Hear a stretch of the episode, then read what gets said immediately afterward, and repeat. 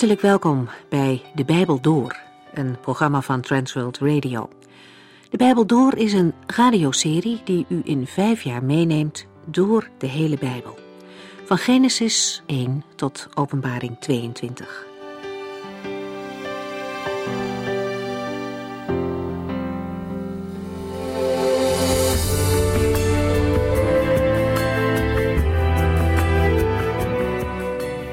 Vandaag maken we weer een sprong terug in de Bijbel. We gaan verder met Deuteronomium. De vaste luisteraars zullen inmiddels wel gewend zijn aan de afwisseling die we in deze serie hebben tussen het Oude en het Nieuwe Testament. Omdat het Oude Testament meer boeken heeft dan het Nieuwe, kunnen we dat patroon niet helemaal volgen. En daarom gaan we ons de komende tijd verdiepen in Deuteronomium, Jozua en de Richteren. En daarna gaan we dan weer verder met de handelingen van de apostelen. Als u de oudere uitzendingen nog eens wilt beluisteren, dan kan dat via internet www.transworldradio.nl Deze serie Bijbelstudies wordt niet alleen in ons land uitgezonden, maar ook in veel andere landen over de hele wereld. Iemand die gevangen zit in Cambodja vertelde dat hij bijzonder bemoedigd wordt door deze studies. Hij mag zelf geen radio hebben, maar hij kan de Bijbel door via een mp3-speler toch beluisteren. Wij bij Transworld Radio zijn dankbaar dat het woord van God wereldwijd uitgelegd mag worden. En we hopen en bidden dat het ook in uw leven tot zegen mag zijn. Via onze internetsite is het ook mogelijk om de Bijbel door in andere talen te beluisteren. Mocht u mensen kennen die het Nederlands niet verstaan, dan kunt u ze daarop attenderen. We maken nu een begin met het boek Deuteronomium.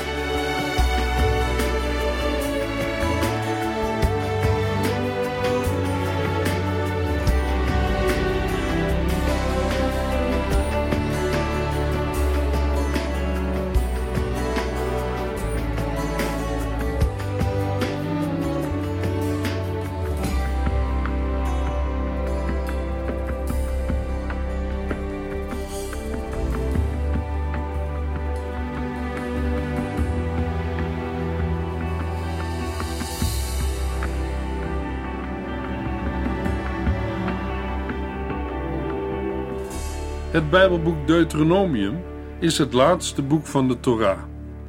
Er zijn zeker vier verschillende namen voor de eerste vijf boeken van de Bijbel, namelijk als eerste de vijf boeken van Mozes, ten tweede de Pentateuch, als derde de vijf boeken van de Torah en als vierde Chumash, afgeleid van het Hebreeuwse woord Gamesh, dat vijf betekent.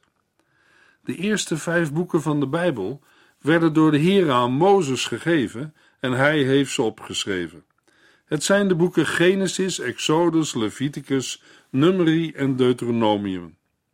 Het Griekse woord deutero betekent twee of tweede en nomium betekent wet. Het woord Deuteronomium betekent de tweede wet. In Deuteronomium 17 vers 18 is er sprake van een afschrift van de wet, bedoeld voor de koning. In de Griekse vertaling, de Septuaginta, is deze uitdrukking op een verkeerde manier vertaald met deze tweede wet. Vandaar de naam Deuteronomium.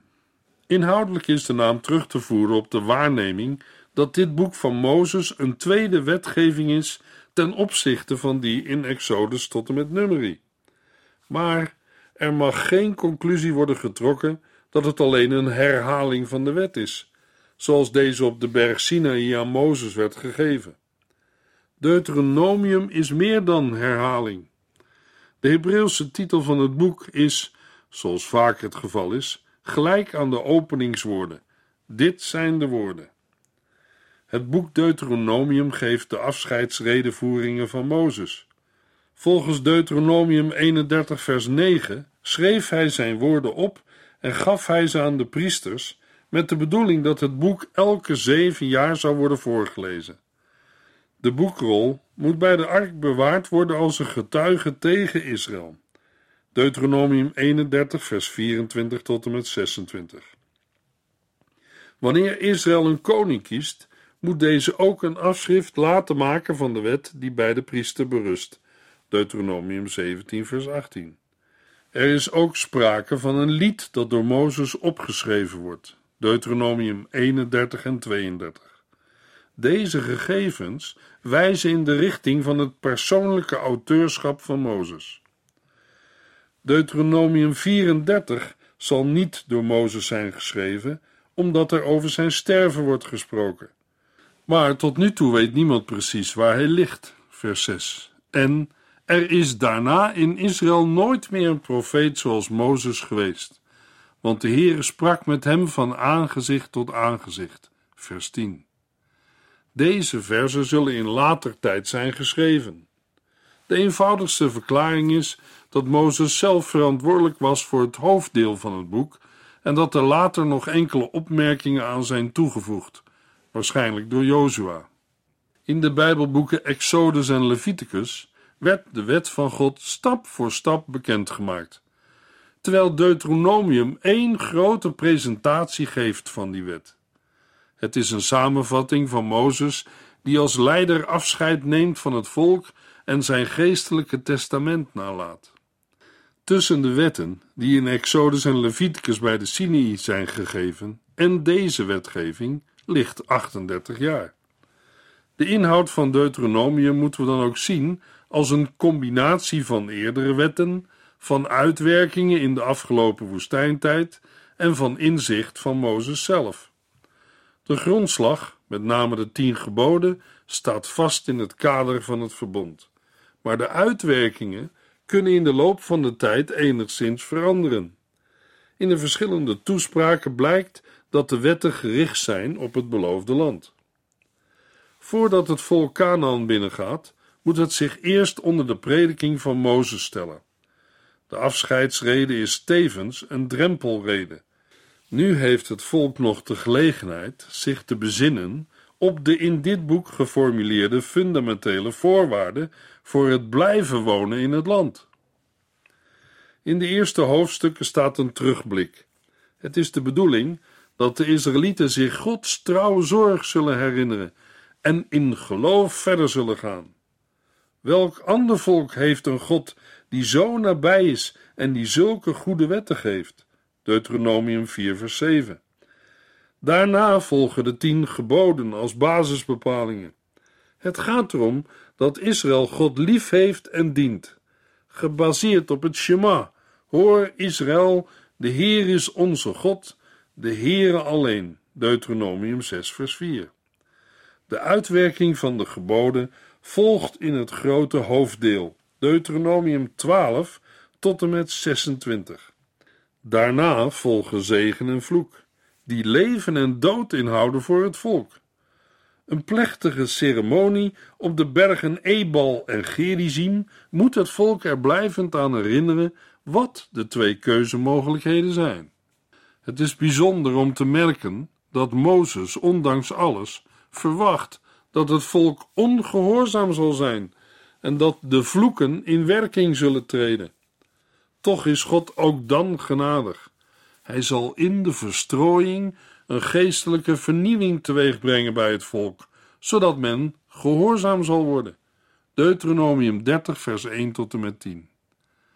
Daarna wordt Jozua geïntroduceerd als opvolger. Het boek sluit af met een lied dat als getuigenis dient voor het volk, als waarschuwing tegen ongehoorzaamheid. Mozes zegent het volk, mag vanuit de verte het beloofde land zien en sterft. De stijl van het boek is die van een toespraak, van een preek, waarbij de spreker zijn uiterste best doet het gehoor te overtuigen van de waarheid van zijn woorden. Mozes spreekt met geestelijk gezag en gebruikt enerzijds tal van aansporingen, bemoedigingen en beloften, en anderzijds schildert hij realistisch de bedreigingen en rampen in het geval van ongehoorzaamheid. Mozes weet dat hij niet zijn eigen gedachten overbrengt, maar namens God spreekt. Vergeleken met de eerder gegeven wetgeving ligt in Deuteronomium de nadruk op barmhartigheid en sociale bewogenheid, zeker tegenover de volksgenoten. Het hoofdthema is liefde en gehoorzaamheid. Wetsbepalingen alleen zijn niet genoeg. Maar Israël wordt aangespoord de Heere lief te hebben, te dienen en te volgen. De innerlijke betrokkenheid op God is van belang, waarbij die houding zich uit op allerlei levensterreinen.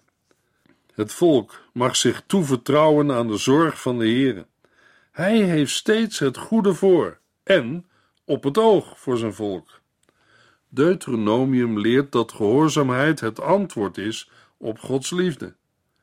Mozes heeft Deuteronomium geschreven. Hij was de man die God kende. Het volk Israël zag de daden van God, maar kende hem niet. Mozes wist wat God wilde. Deuteronomium is de weerslag van de kennis en de ervaring van tachtig jaar rondzwerven in de woestijn.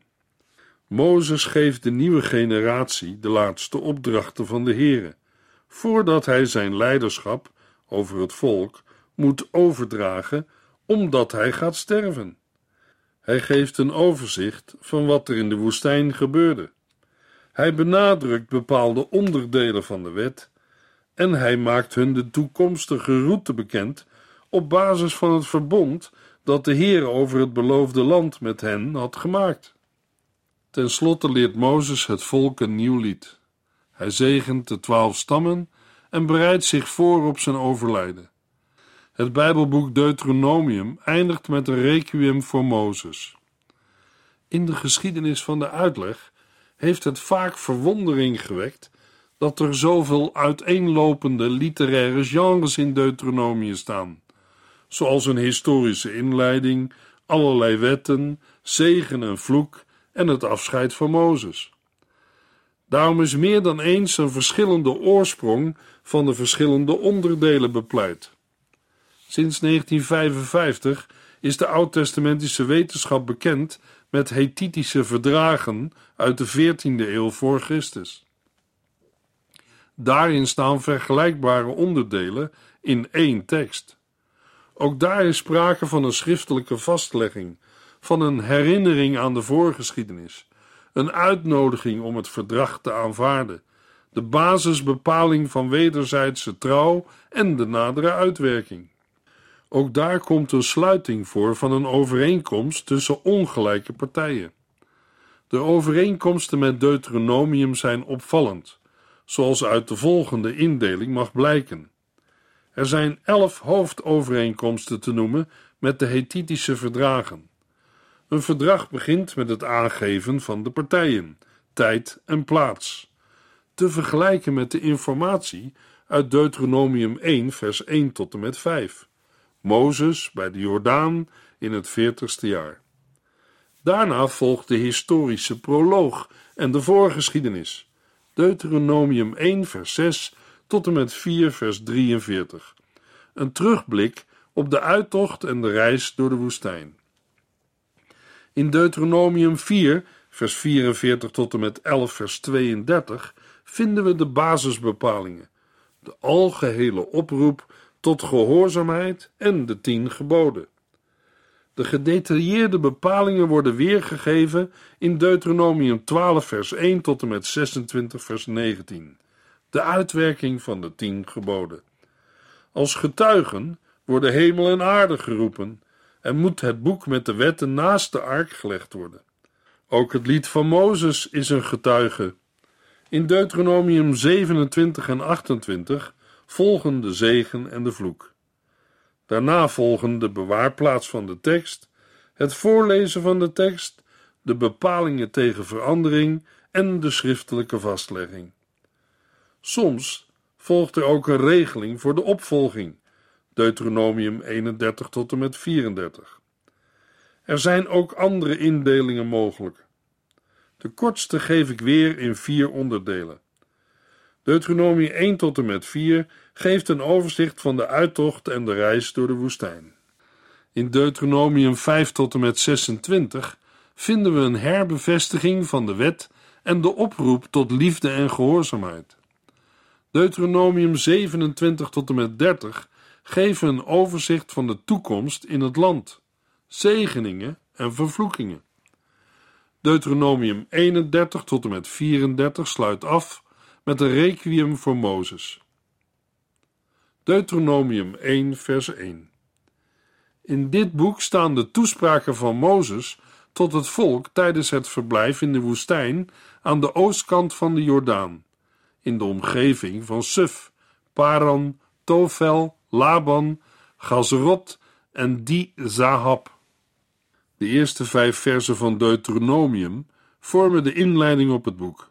Spreker, tijd en plaats worden genoemd, zoals in een inleiding van een verdragstekst gebruikelijk was. Het verbond dat bij de Sinaï gesloten is, moet worden vernield, nu Mozes kort voor zijn sterven het leiderschap aan Jozua gaat overdragen. Deuteronomium begint met: Dit zijn de woorden. In onze vertaling weergegeven met: In dit boek staan de toespraken. Er wordt een nieuw begin gemaakt, omdat Deuteronomium een andere opbouw heeft ten opzichte van de Bijbelboeken Exodus, Leviticus en Numeri, en de verwante verdragsteksten ook op een soortgelijke manier beginnen. Mozes wordt als spreker genoemd en niet Yahweh, terwijl hij toch de soevereine koning is die het verbond met Israël aangaat. Dit komt omdat het volk gevraagd heeft of Mozes wil bemiddelen. Deuteronomium 5, vers 22 tot en met 27. De eerste toespraak van Mozes begint in vers 6 en loopt door tot Deuteronomium 4, vers 40. Het is de eerste van in totaal acht toespraken die in Deuteronomium staan vermeld. Aangezien het opschrift aan het begin staat, functioneert het ook als opschrift voor de andere toespraken en het hele boek. Deuteronomium 1, vers 2. De afstand van de berg Horeb naar Kades Barnea kan te voet in elf dagen worden afgelegd. De route van Horeb langs Seir naar Kades Barnea duurt elf dagreizen. Deze eenvoudige reisinformatie verbindt drie belangrijke plaatsen uit de geschiedenis van het volk Israël op hun reis door de woestijn. De plaatsen komen in de eerste twee hoofdstukken aan de orde. Horeb is de plaats van de verbondsluiting, het startpunt naar het beloofde land. Kades Barnea is het punt van waaruit de mislukte poging tot verovering van het land plaatsvond. Het zuidelijkste punt van het aan de Israëlieten beloofde land. Seir is het beslissende keerpunt voor de definitieve tocht noordwaarts. Elf dagen is de normale reistijd tot de grens van het beloofde land. En dat houdt in dat het volk veel eerder in het beloofde land had kunnen zijn. In werkelijkheid heeft hun reis bijna 40 jaar geduurd. Deuteronomium 1, vers 3. Op de eerste dag van de elfde maand, in het veertigste jaar van hun omzwervingen door de woestijn, gaf Mozes het volk Israël nog eens al de woorden door die de Heere tot hem had gesproken. In vers 3 volgt een absolute datering, de eerste dag van de elfde maand in het veertigste jaar na de uittocht. De nieuwe maansdag is, in ieder geval in later tijd, bij Israël een feestdag met heilige samenkomsten. Het is een goede gelegenheid het volk toe te spreken. Mozes doet dit namens de Heere en treedt daarmee op als profeet. Aan het eind van hun omzwervingen door de woestijn houdt Mozes zijn eerste toespraak tot het volk. De datering uit vers 3 wordt in vers 4 verbonden met de overwinning op twee koningen uit het overjordaanse. Als Mozes de geschiedenis van het volk overziet en in detail ingaat op wat ze allemaal hebben meegemaakt, dan noemt hij een aantal opmerkelijke momenten. Deuteronomium 1, vers 9 en 12 tot en met 14. Ik heb toen tegen u gezegd: Ik heb hulp nodig. Ik kan de hele last van dit volk niet alleen dragen. Maar ik, één man, kan niet al uw problemen en ruzies oplossen. Kies daarom uit elke stam wijze en ervaren mannen, die ik zal aanstellen tot leiders over u. U was het daarmee eens. Het verslag van deze gebeurtenis is te lezen in Exodus 18. Mozes werd getergd, overladen met problemen en raakte gefrustreerd. Hij dacht dat hij de last van het hele volk alleen moest dragen. De Heere gaf hem toestemming leiders te benoemen om hem te helpen. Er werd een groep van zeventig mannen benoemd. Veel later ontstond daaruit het Sanhedrin, de raad die Christus ter dood heeft veroordeeld. Mozes verloor in zijn frustratie het zicht op het feit dat de Heere Israël droeg. De groep leiders en de verdeling van de verantwoordelijkheden zag er in eerste instantie goed uit, maar in de praktijk werkte het niet altijd en veroorzaakte het vele moeilijkheden. De leiders moesten Godvrezend, onomkoopbaar en capabel zijn. Het ging mis op die momenten waarop de leiders dat niet waren. Dat was vroeger zo in de tijd van Israël, maar dat is vandaag nog zo. Het kan ook in de kerk gebeuren. Zo leider, zo volk. Mozes heeft ook geworsteld met de reis door de woestijn. In Deuteronomium 1, vers 19 lezen we hoe Mozes de reis heeft ervaren. Toen verlieten wij de berg Horeb en reisden door die grote en vreselijke woestijn tot wij het Amoritische bergland bereikten, waarheen de Heere, onze God, ons had gestuurd. Wij verbleven toen bij Kades Barnea, aan de grens van het beloofde land. Ik neem de woorden van Mozes voor wat ze zijn. Zo was het. De woestijn was en is groot en vreselijk. De reis door de woestijn was geen vakantiereis of een mooie wandeling. Het volk kwam bij Kades Barnea en toen ging het weer fout. Mozes wilde het land in bezit nemen, maar de leiders en het volk kozen voor verspieders. Dat was een fout van het volk. Deuteronomium 1, vers 20 tot en met 23. Mozes zegt: Ik zei tegen u: De Heere God heeft ons dit land gegeven. Vooruit, laten we het in bezit nemen, zoals Hij ons heeft opgedragen. Wees niet bang, u mag zelfs niet twijfelen. Maar u zei: Laten we eerst spionnen vooruitsturen. Die kunnen bepalen welke route wij het beste kunnen volgen en welke steden wij het eerst moeten veroveren. Dit leek mij een goed idee en ik koos twaalf spionnen uit, van elke stam één. Het volk en de leiders willen verspieders die kunnen bepalen welke route ze het best kunnen volgen en welke steden ze het eerst moeten veroveren.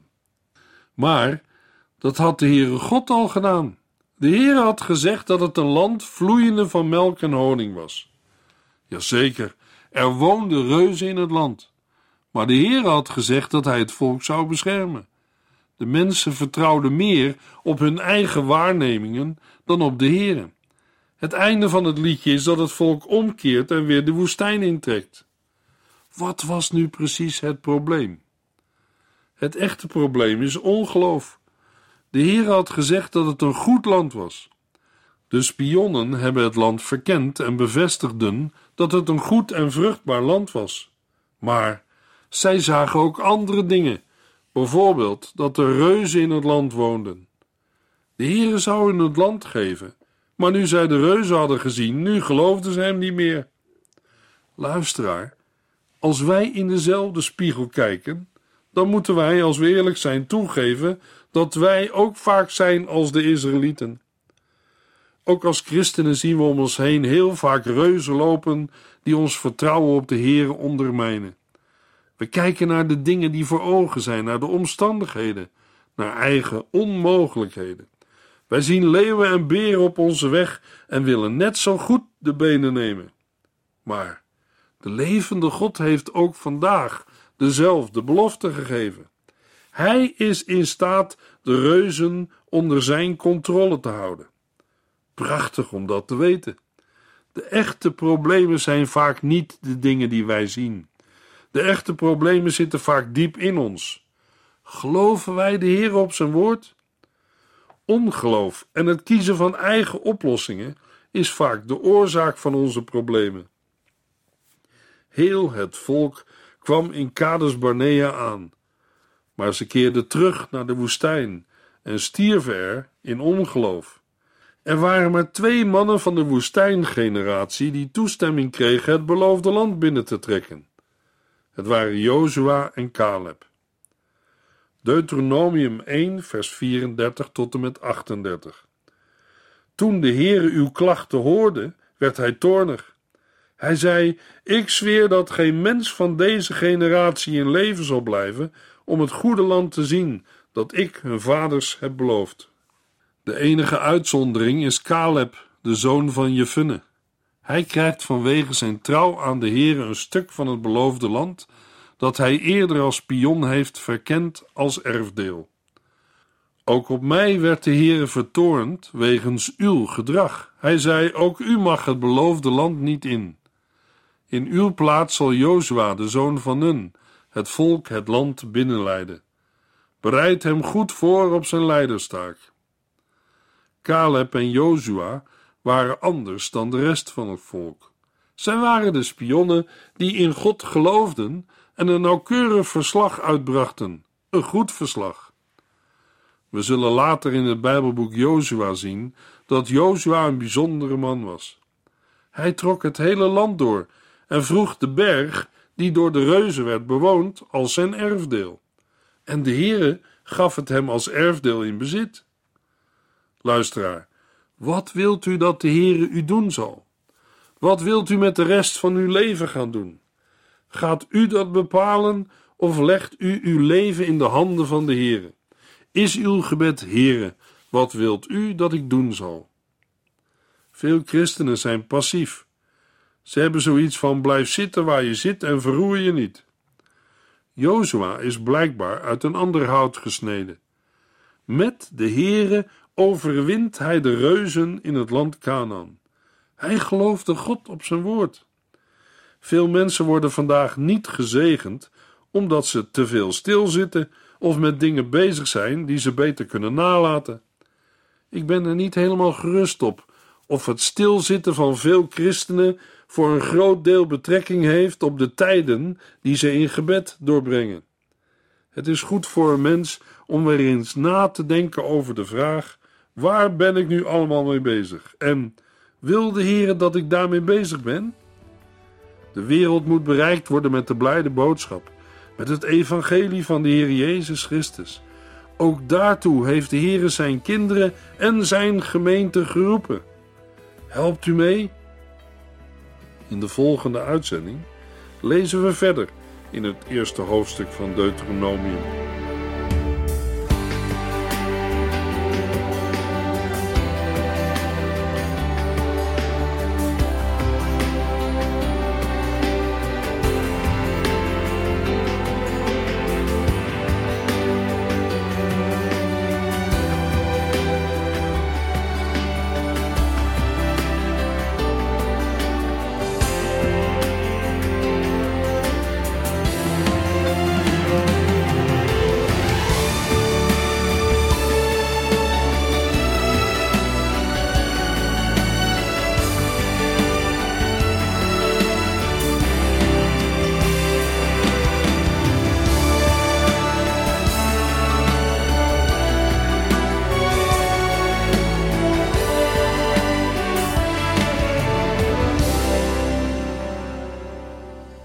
Geluisterd naar De Bijbel Door.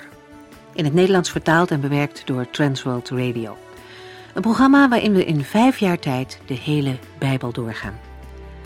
Als u wilt reageren op deze uitzending of u heeft vragen, dan kunt u contact met ons opnemen. Tijdens kantooruren kunt u bellen op 0342 47 8432. 0342 47 8432. 32. Ook kunt u een e-mail sturen naar de Bijbel door transworldradio.nl en natuurlijk kunt u ook via de post ons bereiken. TWR, postbus 371, postcode 3770, AJ in Barneveld. Dit programma werd gepresenteerd door Cor Weda en Ike André. Techniek was in handen van Odin van Woerdekom. En wij allemaal bedanken u voor het luisteren. Graag tot de volgende keer.